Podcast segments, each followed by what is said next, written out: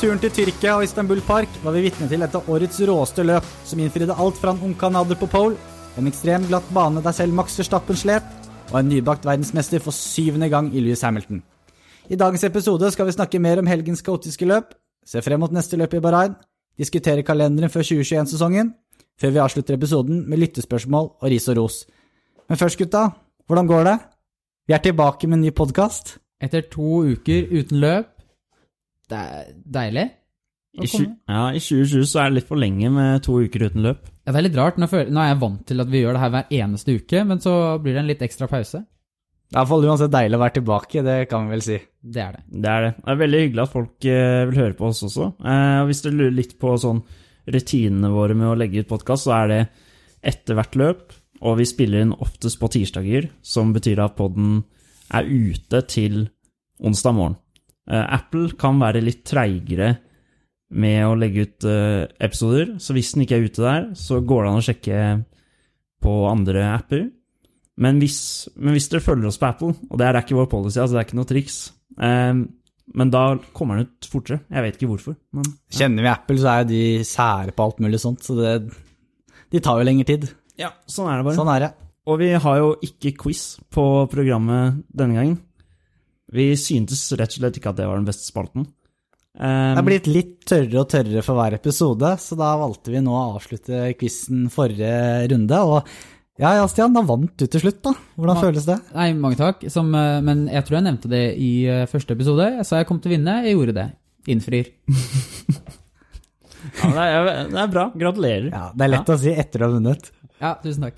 Ja, ja. Vi er i hvert fall ikke her i dag for å snakke om eh, quiz. Eh, Vi skal snakke om Tyrkias Grand Prix. Og for et løp. For et løp. Det var spennende. Og det her Vi hadde jo denne diskusjonen her når vi snakket om podkasten, og dette er jo det første løpet vi har hatt hvor det faktisk var et spennende løp uten at eh, halvparten av feltet måtte ta DNF, og ja, enten så sprang jo hjulene, eller så ja, rista bilene i stykker.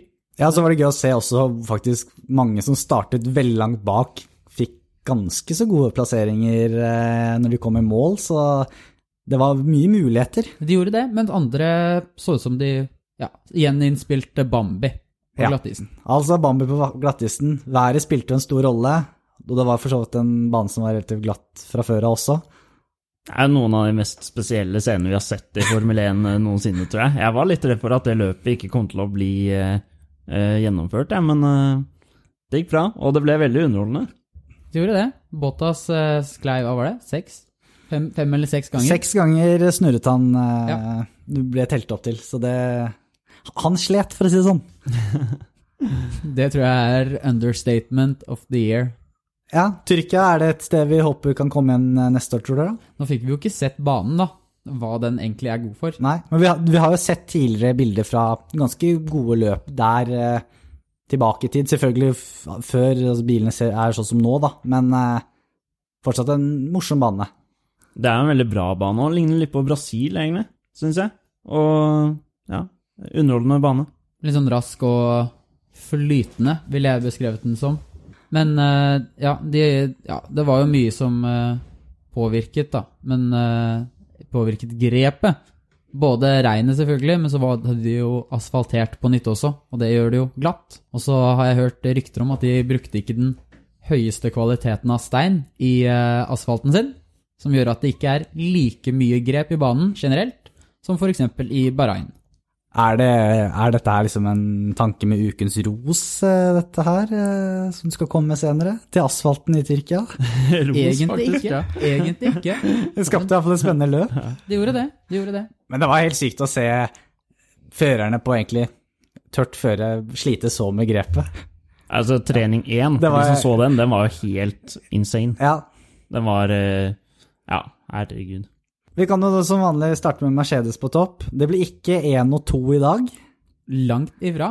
langt ifra. 1 og 15, det er litt gøy å si. Ja, og det så veldig mørkt ut etter kvalifiseringen. Begge førerne sleit da. Men eh, Lewis Hamilton kom mesterlig opp på førsteplass.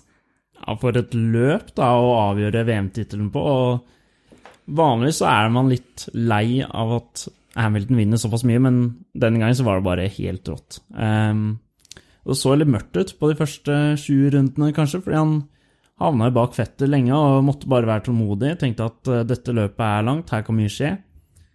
Og holdt jo 50 runder på de dekka. 52, det er jo helt sinnssykt. Helt rått. De intermediate-dekkene ble jo egentlig sliksdekk etter hvert. Det ble interslicks, som det er veldig mange som har kalt det. Ja.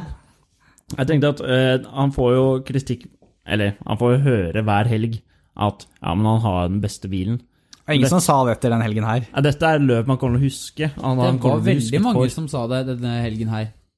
Ja, men Man ser jo bare på Bottas at jeg, jeg tror ikke han hadde den beste bilen eh, på søndag. Og han vant jo fordi han var den beste føreren.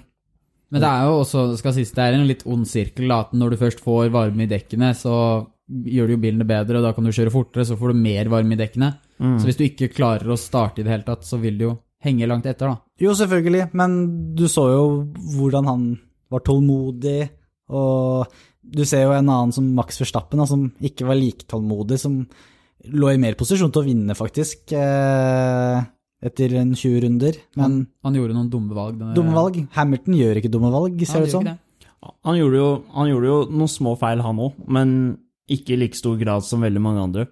Og jeg tror vi alle tenkte at han skulle pitte en gang til, men eh, det, det kom aldri. Han fortsatte på de dekka. Det er jo Jeg, jeg aner ikke hvordan han fikk det til. Ja, Det Men de var, veld, de var veldig usikre, raceingeniøren. Han- Raceingeniøren sa etter løpet at eh, de visste jo ikke faktisk om dette her ville holde eller ikke. Nei, de Nei. brukte jo det de fant ut på Bottas, for han pitta jo før, eller pitta før Hamilton skulle. Og da tok han jo Ja, altså du så jo at det funka ikke for Bottas. Så da, det- det var nok en stor eh, En eh, stor faktor Ja, i beslutningen til Hamilton. Ja, Han tok jo heller ikke det safety-stoppet som det var snakk om på slutten av løpet, eller mot slutten av løpet heller. Eh, Da drev Mm. ingeniøren og sa at det kanskje bytte, eller ta nå, da, i tilfelle det kommer noe regn i sving 8, tror jeg det skulle komme først. sving Ja. åtte, ja. Men han Ja. holdt seg ute. Ja, det kom jo aldri det regnet heller, da, som er jo det, Han tok litt egne beslutninger òg. Han gjør jo det som vanlig, og det, eh, det med regnet var jo derfor løpet var spennende absolutt hele veien, fra start til slutt. Fordi de meldte regn på siste runde. Og eh, ja, Hamilton hadde jo ikke noe spor igjen på det dekka der, så Nei, underholdende Altså, han har jo blitt kanskje tidenes stjerne i Formel 1, og han når jo ut på en måte til verden som ingen andre Formel 1-førere gjør. da. Man ser jo det eh, på sosiale medier med, med Hollywood-stjerner, de, de følger jo med på Hamilton. Han nå Nei, han eh, Helt rå. Han har noe ingen andre har. Jeg tenker også Ayrton Senna, med sånn som de tingene han er husket for, er å være den beste føreren. Og det er jo litt sånn Hamilton Jeg føler bare det løpet her endra mye av det eh, ryktet hans, da. Det viser jo hvor god fører han er. Mm. Så en annen som ikke fikk det like på til, var Walter Bottas. Endte på 14.-plass. Jeg var 14, ja. ja. Det han sa, han sa etter løpet at det her var bare noe vi vil glemme så fort som mulig, og vel var det fem runder før slutt også, sa han vel noe av det samme. Ja, fire tror jeg han fikk, ja. og så sa å, jeg skulle ønske det var mindre. Men Mm. eh, ja, det er fryktelig dag på jobben. Hva skjedde med Bottas? Nei, Det var jo det jeg nevnte i sted, da. Fikk jo aldri hjulene i gang, og når du ikke får hjulene i gang, så får du ikke kjøre så fort, og da får du ikke varme i dekkene, og så ja. Ond sirkel. Ja, han, som sagt, han snurret jo hele seks ganger. Det må ha blitt svimmel utpå der. Ja, altså han er, jo, han er jo en finne, så du skulle tro at han taklet eh, glatt føre ganske bra. Men eh, ikke i dag. Jeg syns nesten litt synd på han, for jeg tror de kommentarene han eh, får fra, på sosiale medier, jeg tror det gir litt mer går litt mer innpå han enn det han vil innrømme. Men Men Ja. han fortjener det jo også litt, da. han fortjener kritikk, ja ja. Nei, nei, jeg tenkte på mer Ting da han, vant, da han vant sist løp, så kom han jo en fuck you til alle haterne mine. da må du følge det opp etterpå. Du kan ikke da ha et sånt løp. Racing Point de gjør jo et eh, relativt bra løp selv. Spesielt på kvalifisering får jo begge disse gutta her det til noe inn i granskogen. Ja, de fikk jo en 1-2. Det er jo helt sykt. 1-3. 1-3, mener jeg. Førstappen Ja. dem. Jeg vet ikke hva som skjedde med i kvaliken med Racing Point. Plutselig så Perez slo Forstappen sin tid med to-tre sekunder, ikke sant? Det var De fikk det inn til midjetekken utrolig bra. skapte litt panikk i Red Bull-leiren. Og Peres hadde bra løp. Han øh, var rutinert, gjorde få feil. Han var ikke så rå som Hamilton, så klart. Men, øh, Men begge Racing Point-gutta startet jo løpet utrolig bra i første stintet, og de lå vel 13 sekunder eh, til tider ba, nei, foran Verstappen på tredje. helt rått. Så Men hva, hva skjedde på slutten? Det var jo helt rart å se hvor fort de hadde blitt tatt igjen, egentlig. Eh, Vanskelig å si, men eh, de har rett og slett ikke Jeg tror ikke de har den eh, råskapet som Hamilton har. Eh, I hvert fall Stroll da har jo Han gjorde en fantastisk eh, kvalik, det må jeg bare si. Legge meg i støvet for eh, å bøye meg i hatten, som uh, Heideveng sier. Heideveng hadde sagt. Eh, men eh, eh, ja, eh, første stintet hans var jo helt ok. En, eller det var jo bra. Han får kjøre der, gjør det wet. Og når han bytter da over til Inter, så får han ikke de ordentlig i gang. Og han klarer jo ikke å dra de like lenge som det Peres klarer. Og det siste Inter-stintet hans var jo Ja, de begynte jo å graine med en gang. Og da ja, da får han jo ikke Da får han det ikke til, da. Og da bare havner han bakover. Men tror du også Stroll følte litt på press etter hvert? Han var jo så lugn i starten, men når han virkelig begynte å innse at ok, kanskje han kan gjøre en bra plassering, da, så Jeg vet ikke om det hadde så mye å si, det kan jo hende. Men jeg tror det er mer at han ikke har den egenskapen som Peres og Hamilton har. da. At han klarer å kjøre og ta vare på dekkene sine så mye. mm. Men Jeg unner han den eh, pole position. Altså Selv om løpet på en måte, eller helgen ble ødelagt av løpet, så må det ha vært en stor opplevelse for han. Og um, er litt eh, svar på eh, kritikken, det med at han er pappagutt og bare er i Formel 1 fordi han er, fordi han har rik far, og det, det er kanskje sant, men man, man vinner ikke, man tar ikke pole position fra Max Verstappen hvis man ikke har talent, for å si det sånn. Så, Men det har vært en litt av en berg-og-dal-bane-helg for Stroll. Da. Han sa jo på uh, intervjuet etter uh, kvalifiseringen at det er den beste, verdens beste jobb, mm. mens uh, han var veldig mutt i ordene på søndag etter løpet. litt, litt nedtur, og han eh, var litt sånn her, jeg hadde ikke helt forklaringen på hvorfor han eh, datt så langt ned på Og det er kanskje men- det som er litt kjedelig også. Ja, Men alt i alt så er jo en andre- og en uh, åttendeplass greit. ja absolutt. Uh, Niendeplass. ni- Niende. Eh, Et lag som vi ikke har snakket så mye om eh, siste tiden, eh, i hvert fall ikke med begge førerne høyt oppe, det er Ferrari. Men det skjedde denne helgen. Og Fettel fikk jo en tredjeplass. Så Det er gøy. ikke ofte man ser han på podiumet. Det var vel at Leclerc ga den i de siste svingene, var det ikke det? Jo, det Leclerc så jo an til å få en uh, andreplass, Ja. men uh, kom vel litt fort inn i den siste sving, eller an, siste svingen. Det er nest siste svingen. Nest siste, ja. Ja. Mm. Det Fettel, Fettel fikk jo en helt rå start på første runden. De eh, plasseringene han klatrer opp, det tar han jo på første runden. Deretter så er det litt, eh, litt forskjellig. Han gjør ikke noen sånn veldig store feil i løpet av løpet.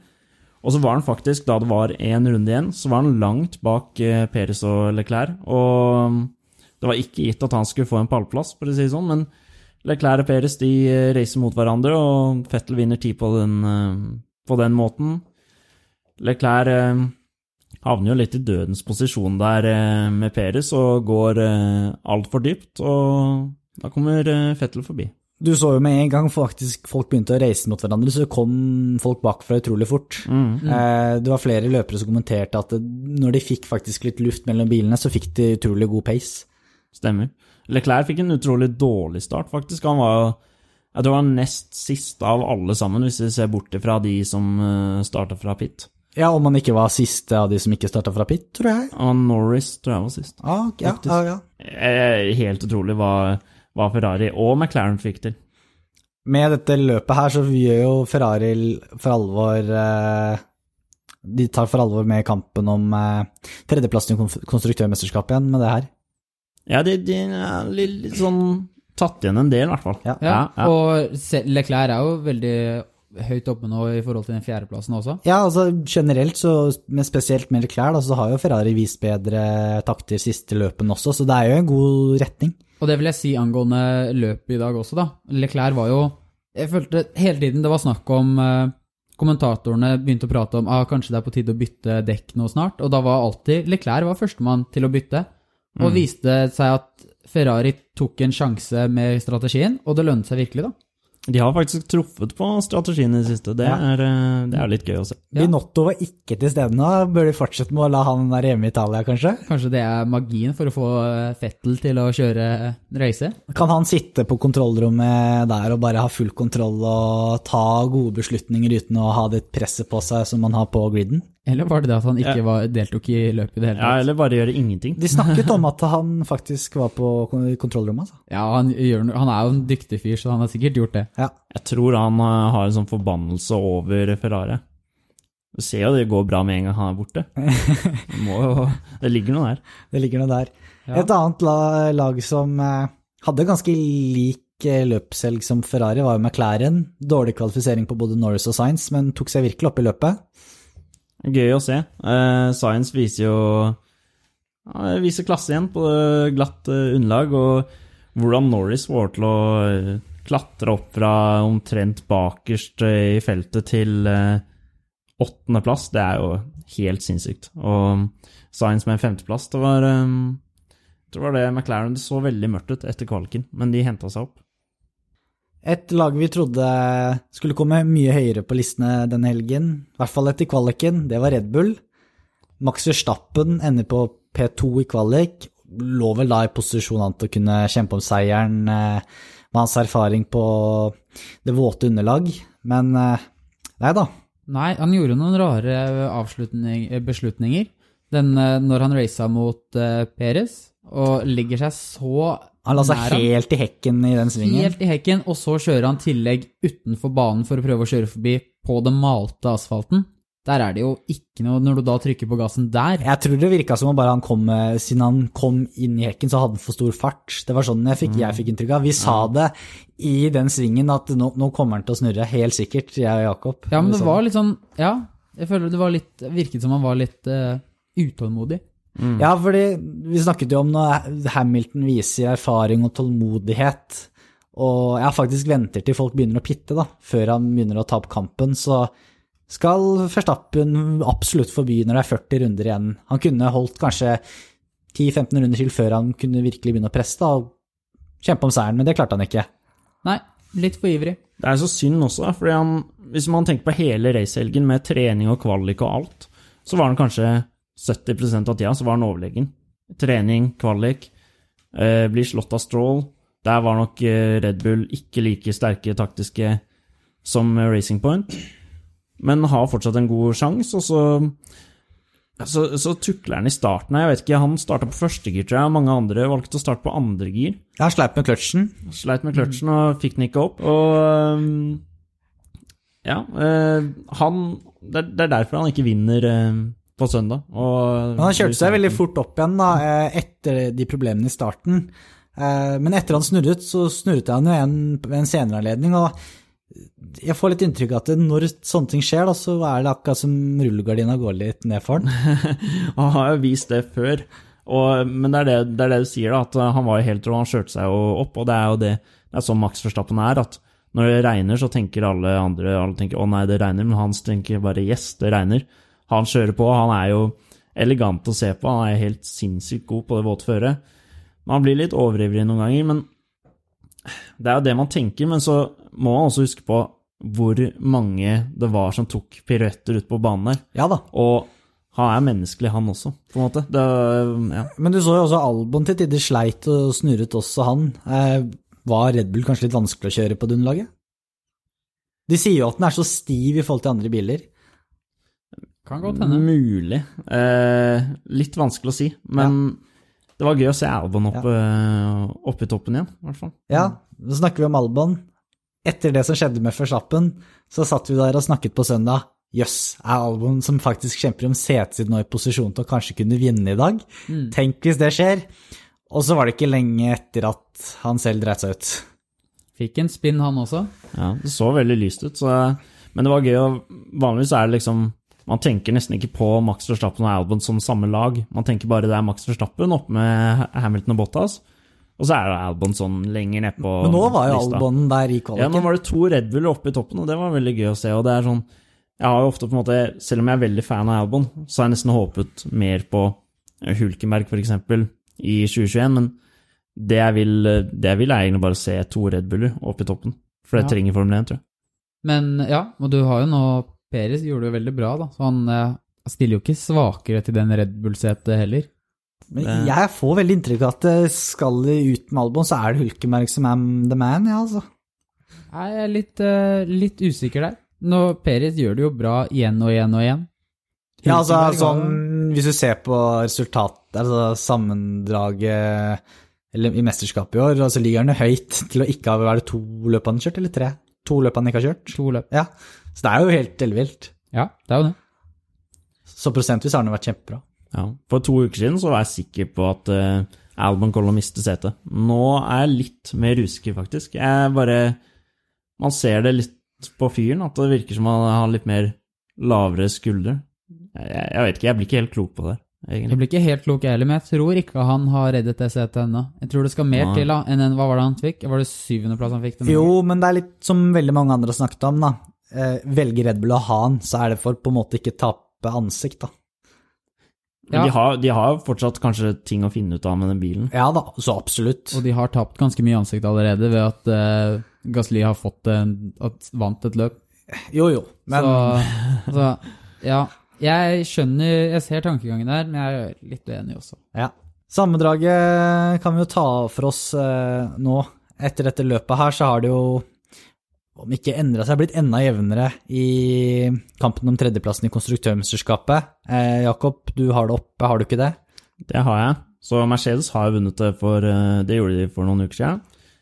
Red Bull, og så følger Racing Point. De har 154 poeng. Dro vel litt fra nå, gjorde de ikke det? De dro Ja, McLaren er faktisk bare eh, 100 De har 149 poeng. Seks poeng bak, da. Mm. Fem. Fem, mener jeg.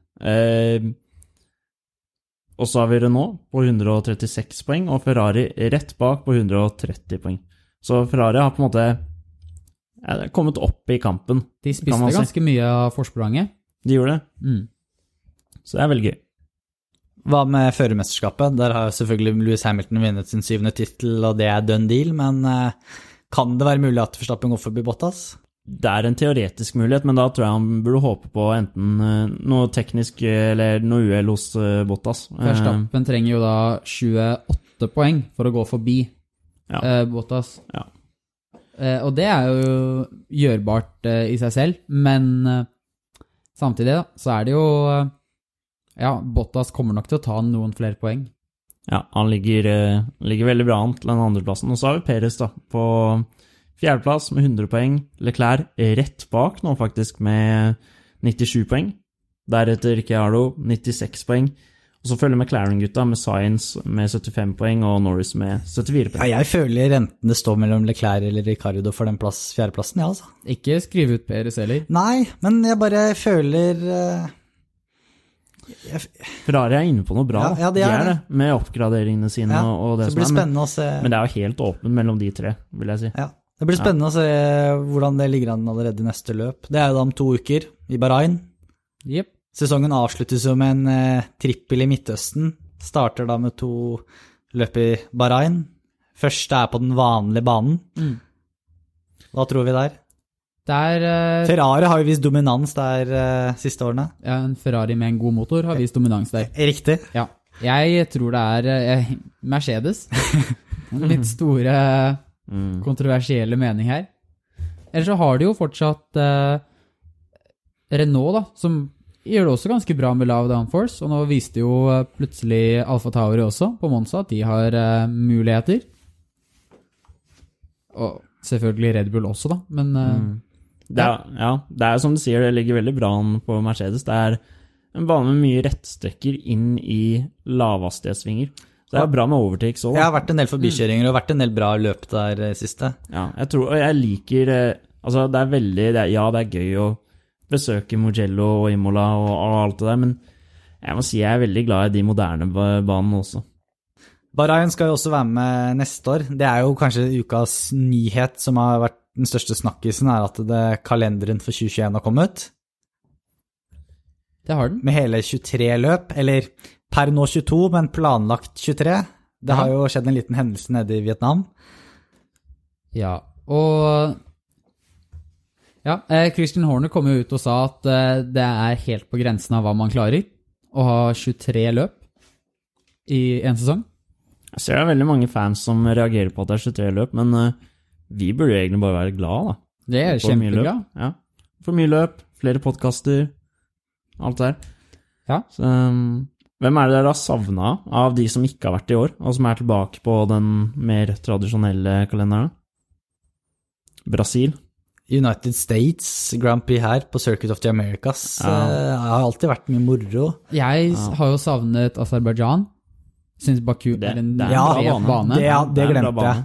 Ja. Den, eh, den har jeg savnet, og den Mm. gleder jeg meg til Ja. eh, kommer tilbake. Canada er litt morsomt. Canada kan være veldig morsomt. Ja, Men eh, ja, Baku si- er jo favoritten egentlig av alle de som ikke har vært i år. Jeg må si for meg så er det nok Interlagos i Brasil. Ja. Ja. Den er jeg savna. Det har vært mye bra løp der også, det har det. Ja. Men eh, det er jo da som sagt løp nummer fire som skal gå da fra 23. til 25. april. Der står det To be confirmed. to be confirmed, ja. Eh, hva tror vi der? Eh, Blir det Vietnam, eller blir det et annet løp? Kan Tyrkia f.eks. komme inn der? Hva er det vi tror? Det passer jo ganske bra med et eh, Vietnam-løp, da. Når det er Kina to uker før der. Det var vel det som var planen nå, var det ikke det? Jo, det var det som var planen. Men uh, så er det borgermesteren i Vietnam, nei, Hanoi, har blitt tatt for korrupsjon, og det er vel han som har ledet egentlig hele Formel 1-opplegget der nede. Ja, ikke sant? Ai, ai, ai. Ai, ai, ai. Ja, Vi fikk jo faktisk eh, et innspill på det der fordi vi la ut sånn bilde på um, Instagram og Twitter med For det står jo bare Det er ikke noe flagg der. Det står bare uh, 'to be confirmed'. Så satte vi inn eh, norske flagget, da, Norway, Oslo, isteden, da. En liten spøk. Og da fikk vi et innspill fra Mats eh, Kjeldflåt. Eh, han spør hvordan skulle en gatebane i Oslo sett ut? Start mål langs Aker Brygge, foreslo han. Og hvilke gater egner seg for FN Racing? Ja. Og der har vi jo eh, Vi har et forslag. Eh, Jeg har laget et forslag. Vi kan sikkert legge det ut på Instagram eh, i de dagene som kommer. Det syns jeg vi skal gjøre. Jeg tenkte starten skulle gå fra ved siden av Spikersuppa, eh, nedover Karl Johan mot Jernbanetorget, før vi svinger oppover og kjører da på høyresiden av eh, Oslo sentralbanestasjon. Eh, Og så må vi da over togene på et eller annet ting og komme inn i Barcode, og så fortsetter vi den veien da, rundt langs kysten, forbi Akershus festning, da på nedsiden av Akershus festning, inn i, på Rådhusplassen, mot Aker Brygge, og så opp da til det som blir Ring 1. Og inn Ved, mot Karl Sol, Johan. ved Solli, eller øh, Nei, mot, Nei, ikke så mot. Slottet. Mot Slottet, på en måte. Slottet. Det, så det er, ja, det er jo basically den Red Bull øh, har, faktisk. ja, eller Red Bull har ikke med Karl Johan, da. De har tatt hele tunnelen Å ja, du har ned Karl Johan? Ja, ned Karl Johan. Oi, oi. Red Bull hadde den i, eh, i eh, Ring 1, som det 1. heter. Ja, riktig. Forbi Eh, Sentrum Scene og sånne ting. Mm. Ja. Det, var mitt, eh, det er mitt forslag, da. Eh, Hvordan det egner seg å kjøre der. Karl Johan kan bli tøft.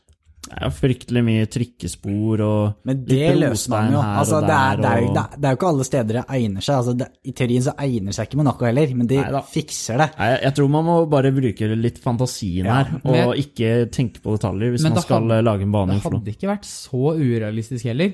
For eh, langs kysten der så kan det bli ganske brede baner eh, Den- under den- Nei, under, under Akershus festning. Ja, den, den veien der er jo fin. Ja, og hvis Mm. du da tar Karl Johan, det kan jo, er jo ganske ja, Det er kanskje ikke så bredt I gågata, da, tenker du, eller?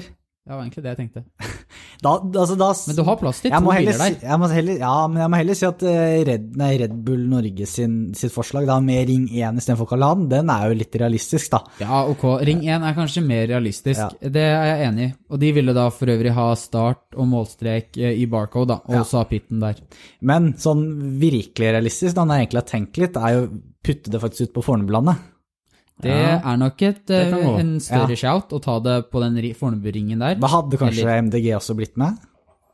Eller at de hadde, de hadde jo ikke hatt så mye de skulle sagt, for det er ikke i Oslo. Nei, det er i Bauge kommune. Mm. Den, den, er- den er fin, Jakob. Ja. Da er det bare å sende, sende brev til Kåre Willoch og den som sitter som er, ordfører i Bærum det er kommune. da. Viken, da. MDG Ja, fikk ganske mye stemmer i Viken. De fikk kanskje. De Ja. fikk vel Jeg husker ikke hvor mange. men Jeg tipper at det er så mye penger involvert at dette går vel på regjeringsnivå også, ikke bare kommunalt. det, det er nok fort det. Men eh, for- på, på Fornebu kunne det vært à la litt sånn Sotsji parkbane, da. Ja, vi har også Ja. pratet om E18 fra eh, Hva heter det? Ut eh, mot Bygdøy der. Ja, altså fra... Du har jo Frognerkilen, og så inn mot eh, Hjortneskaia ved Color Line der. Det kunne også vært Ja, ganske det kunne funka. Der er det er plass til noe- tribune, kanskje. Ja. ikke. Ja, det er jo det. Hatt tribuner langs hele vannkanten der. Det kunne blitt ganske kule helikopterbilder. Jeg kan tenke meg at det er eh, noen i dette landet som blir litt sure hvis de skal på langtur, og så er hele E18 stengt. Ja, men da får du kjøre Ring 3 den helgen. Du har Ring 3, Ja, så du kommer deg rundt. Jeg er for, bare så det er sagt. Ja. Nei, det hørtes ut som du Nei da. Det hadde, vært utrolig gøy med et Formel 1-løp i Norge, da. Det hadde hadde det. Men, og, uh, ta det om noen år, sånn at Dennis Hauger er med. da. Selvfølgelig. Jeg tror uansett at det, det skal mye la seg gjøre å få et Formel 1-løp til Norge, men skal det skje, så må det nok være nordmann som kjører. Du ser jo i andre idretter eh, at eh, given for å arrangere noe arrangementer i Norge er større når det er nordmann til stede. Ja, jeg tror, eh, jeg tror egentlig aldri det skjer. Nei, For- det tror ikke jeg heller. Kanskje Formel E. Ja, Hvis Kanskje. Dennis eh, begynner å kjøre i Formel E. Kanskje. Ja, du håper vel heller at han kjører Formel E enn Nei, Formel 1? nei, men jeg mente jo at det er Altså, du får, ja, ja, ja, du ja. får jo den sporten som har den norske føreren. Ja, jeg ser den. Jeg tenkte sånn Hva det norske folket liker det, og står for. Um, Ja, da er det nok heller Formel E de går for. Det vil jeg tro. mm. Så har vi jo resten av kalenderen, da, med Formel 2 og Formel 3. De har jo nå endra løpsopplegg litt. De kommer ikke til å, Formel 2 og Formel 3 kommer ikke til å bli kjørt på de samme stedene. De kommer til å splitte seg, ha færre destinasjoner. Så pleier de å ha tre, eller kommer til å ha tre løp per helg, og ikke to. Så lagene sparer litt eh, penger. Og så har vi jo Women, eller W Series, som er Women Series. De skal være på åtte destinasjoner. ja, det er ikke blitt bekreftet ennå, men det ryktes at det faktisk et av de skal være i Saudi-Arabia, som er jo ikke akkurat de mest vennskapelige for kvinner her i verden. Men hvis Nei, vi men det er jo en bra ting, da. Det er Hvis vi bra ting. går inn på uh, Instagram, for der er jo, har jo alle lagt ut uh, Eller ikke alle, Women's Series har ikke lagt ut ennå. Men både Formel 2 og Formel 3 har jo lagt ut på Instagram hva de mener skal være sine. Mm. Eh, og da kan man jo tenke seg til hvilke siste åtte løpene som skal være for W Series, da. Det er et godt poeng. For de skal jo ha én følger for hver eneste GP de Mm. reiser til. Jeg tenkte på en annen ting med W Series, at eh, nå som Grosja mangler sete, da, i 2021, hvis han identifiserer seg som en kvinne, kan det være liksom hans sjanse til å vinne løpet igjen? Ja, nå har det faktisk eh, blitt ganske nærstående bekrefta at eh, både Grosja og Magnussen skal inn i, Magnussen skal inn i Indikar fra neste år. Ja, det hadde vært eh, litt morsommere W Series, må jeg si. Det er sant. Lyttespørsmål, Jakob? Lyttespørsmål, og første spørsmål er fra Ole Aavik. Han spør er Hamilton eh, tidenes største britiske idrettsutøver uansett idrett. Det er et veldig godt spørsmål. Uh, jeg, nå er ikke jeg så sinnssykt god på britiske atleter, men uh, han er vel i hvert fall blant de største. Altså, du kan jo tenke sånn En ting er ikonisk, da, à la David Beckham og sånne ting. Eh, Han er vel kanskje den største med tanke på, som er ikonisk, men så er største med tanke på meritt og resultater, så vil jeg kanskje si det, da. Mm. Han er vel den personen som har vært mest dominerende i sin idrett, da. Men du har jo også han bokseren, da. Han uh, Anthony Joshua. Ja. Var jo også veldig stor uh, innenfor boksing. Eller er. Og en, som er, en sånn greie i Storbritannia er jo at uh, gode idrettsutøvere blir slått til ridder, holdt jeg på å si, knighted. Og det Bradley Wiggins ble jo det etter én Tour de France-seier og ett OL-gull på hjemmebane. Louis Hamilton har Han har 94 eh, seire i Formel 1, syv VM-titler. Det er jo egentlig helt sykt om han ikke blir eh, slått til ridder. Jeg syns det er egentlig rart at den ikke har blitt gjort allerede, når Formel 1 er så stort i Storbritannia. Ja. Og så har han vært så dominerende i så mange år, da. Sir Jackie Stewart. Han er han, Jeg tror han har tre VM-titler. Og Ja, nei. Han tennisspilleren også. Sir Andy Murray. Ble han også Nei, han slått ikke til ridder? det, tror jeg. Ble han det? Han er Det en er- sir. Han har én Wimbledon-tittel, eller han, han er, han er mer? To, to, tror jeg. To. Ja, og så tok han vel OL-gull også på, hjemmebane. Ja. Og Det det er hjelper når du får OL-gull, vet du. Ja, på hjemmebane. Det er ikke så mange OL-grener i Formel 1, dessverre. Nei, kanskje, kanskje om noen år.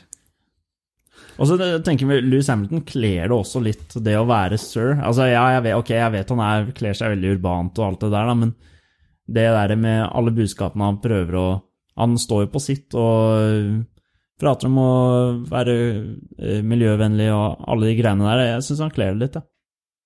Et annet spørsmål, eh, som også er fra Mats eh, Kjellflot. Er det sånn det uttales? Ja, beklager om jeg sier det feil. Men eh, det var fra forrige gang. Eh, det bare tikka inn akkurat litt for seint. Men han eh, spurte om eh, Tror dere Ricciardo er fornøyd med valget om å forlate Renault? De er på vei framover og ser, eh, ser jo sterke ut. Eh, eller kan bare være Ricciardo som får mye ut av bilen. Og så spør han også og hvem fra midtfeltet tror dere takler nye regler og biler i 2022 best? Jeg tror han gleder seg til McLaren. jeg. Jeg tror også han er ganske fornøyd med valget sitt. Du ser jo at McLaren gjør det veldig bra, de også.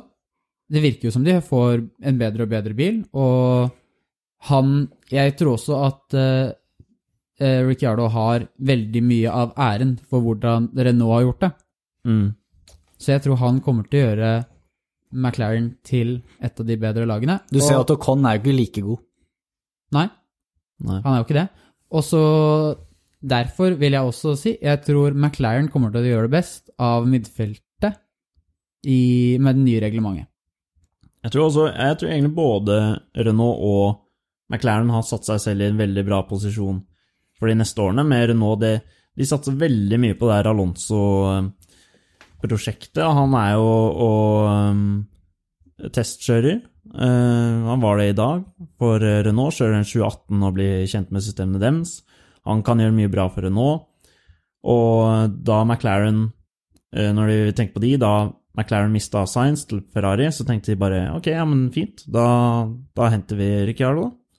Så jeg, tror, tror vi kan vente mye av begge de lagene. Mm. Racing Point også får jo litt uh, mer spenn, med Aston Martin og britisk racinggrønn og Nei, Jeg tror det kan bli morsomt framover, jeg, òg, med den salary capen. Absolutt, absolutt. Eh, ris og ros, Jakob. Du kan få starte der i dag, Starter jeg der? Ja. med litt ris. Ja, eh, første risen, det var jo mye som eh, folk tok opp eh, på Twitter og Instagram og det som var, og det var eh, at eh, Fia ga eh, grønt lys eh, til Q2 mens kranbilen fortsatt var ute på banen og tok Latifi sin bil inn. Og det, det var litt sånn den Jules Bianchi-ulykken oppsto, og det Sterk ris til FN og Fia der. Det, og spesielt på det glatte underlaget da, på den banen som var. Så ris til de. Mm. Stian? Jeg har lyst å rise Russell for uttalelser han kom ut med etter løpet, og da sa han at dette her er ikke Formel 1 i det hele tatt. Eh, hvordan det var, og jeg vil si det motsatte. Det er mye bedre når det er mindre grep, og de må Der de ikke kan kjøre på den teoretiske limiten, men hvor de faktisk må liksom jobbe, da. Og gjøre riktige valg. Ja, det er et godt poeng, syns jeg. Ja. Har du en eh, Skjønner han også litt, da. Det må jeg si. Jeg skjønner han litt. Jo, men for førere så skjønner jeg at det er morsommere for dem å kunne kjøre fort og kjenne G-krefter og alt, men for eh, oss seere så er det mye bedre å ha at de kan ikke kjøre så Jeg tenker at en gang For gangen- oss er det veldig gøy. Jeg tenker at en gang iblant ja, så er det bra jeg får sporten å få litt andre forhold, sånn at eh, det blir litt forskjellig. da. Ja, Ja. det er sant. Variasjon ja. har veldig mye å si. Ja, Jeg har en, ja, og det er rett og slett til ordføreren i Hanoi. Ja. Ja, nå er jeg spent. Ja, Er du spent? Han har nevnt allerede i Å ja. episoden. Jeg trodde du sa Hawaii. Jeg bare, Hæ? Nei, han var i Vietnam. Eh, for å drive med litt snusk, da, vet du, så at det kanskje ikke blir løp der. Det er vel gøy å ha fått Vietnam på kartet Ja, neste det er veldig synd, for den banen Jeg har kjørt den på Formel 1-spillet, Formel 1 2020. Den er ekstremt vanskelig å kjøre på, Mm. så det hadde vært gøy å se bilene kjøre det. En veldig tett eh, bane. Ja. Så det er min ros. Ikke Ris. Ris. Faen, jeg sier det feil hver gang. Det er min eh, ris. Ja. Ja, ja. Ikke til Hawaii, men til Hanoi. Ja, Ja. nei um... Hvem skal bli ukens ris? Noen som har en klar uh... Altså, jeg er egentlig for din ja, altså, jeg Det er en seriøs ris, da. Det Ja. er ikke så gøy. Men, Nei, men eh, det er jo Det er jo faktisk ganske ris, da. det er ganske Altså, ris. det er ikke så lenge siden det skjedde en ulykke der noen mistet livet på samme måte, så det Klask på lanken. Ja, Ja, da, da sier vi det. sier vi det? Ris til uh, Fia. Ris til Fia. Hvem er det som skal få Jeg har fått mye ris. ris, Nei, Fia får mye ris. Ja. Ja, ja. Sånn er det å være i den posisjonen de er, da. ja. Hvem er det som skal få ukens rosa? Jakob, du kan starte med din ros. Jeg har eh, Det her er litt sånn uh, agurknytt, holdt jeg på å si, eller gammelnytt. Men uh, Grosja, uh, han har vært i Formel 1 i mange år. Og eh, han eh, fortalte jo at eh, da han mista setet, så var den eneste som sendte han en melding, og det var George Russell. Jeg tenker Grosja, som har vært i Formel 1 i så mange år, har en del pallplasser òg. Så jeg, gir en, jeg kunne gitt ris til de andre førerne, men jeg gir, en, jeg gir en ros til George Russell her. Omtanke, rett og slett. ja. Stian? Ja, jeg nominerer rosen til Og det blir litt mer sånn eh, Ja, det, er, det går under veldig mange, da. Og det er til alle de som driver Instagram-kontoene eh, til lagene. Fordi mange av de, spesielt Mercedes, da, hvis jeg skal trekke ut én I det siste. i det siste, de har vært fantastiske. Hvis man går og følger de, så er det mye de kan by på. ja. Spesielt Twitter, der er det mye fram og tilbake. Og liksom, Ja, de tar seg ikke selv også. så høytidelig heller. så Nei, det er mye, mye bra der. Ja. Ja. De er gode der. Ja. Min ros eh, Om jeg skal kalle det banemannskapet på, i Istanbul Park, eller hva, det vet jeg ikke. Men de som kjørte rundt på banen hele natta for å prøve å gjøre at det skulle bli noe grep på banen dagen etter, de syns jeg skal få litt ros. Ja. De kjørte altså rundt på helt vanlige, litt slitne biler, så jeg en video fra, og Mm. det sa og sladda holdt på, jeg hadde begynt å le meg i hjel når jeg så det, så de fortjener litt ros for å ha stått på hele natta. De hadde Ja. det sikkert veldig gøy også. Ikke, ikke at det hjalp så mye, da, men eh, Nei, men jeg hadde Nei, ikke tatt så mye betalt for å gjøre det. nei. Bare få en gammel bil og kjøre rundt på en uh, bane. Ja. Uh, jeg har en ros til, og det er til uh, Hvis noen la merke til den hunden som var ute og løp før kvalik. Ja, Det gjorde banen. det. Den holdt på ganske lenge òg. Ja. Så er ros til, uh, ros til bikkja i bakken. Det var mange som var ute og spant eh, i helgen, men eh, han eh, tok det på strak arm. Gønna på og tok svingene bra og ja, behandlet det glatte føret bra. Så ros til han. Hvem er det som skal Eller hun, jeg vet ikke. Hen. Hvem er det som skal få ukens ros, boys? Jeg støtter Nesja sin, eh, og de som holdt på med Tyrkia-drift utpå der. Ja, Ja, Tyrkia drift, da. Det var, det var bra. Takk. Jeg skulle ønske det var i Tokyo, men eh, ja. Ja, det er jeg enig i. Det er en god ros. Ja. Ja. Da går ukens ros til eh, banemannskapene i, på Istanbul Park. Yes. Er det noe mer dere ønsker å legge til fra denne intense helgen fra Istanbul?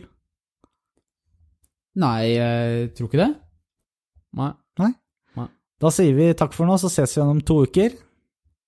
Ha det bra. Ha det bra. Ha det.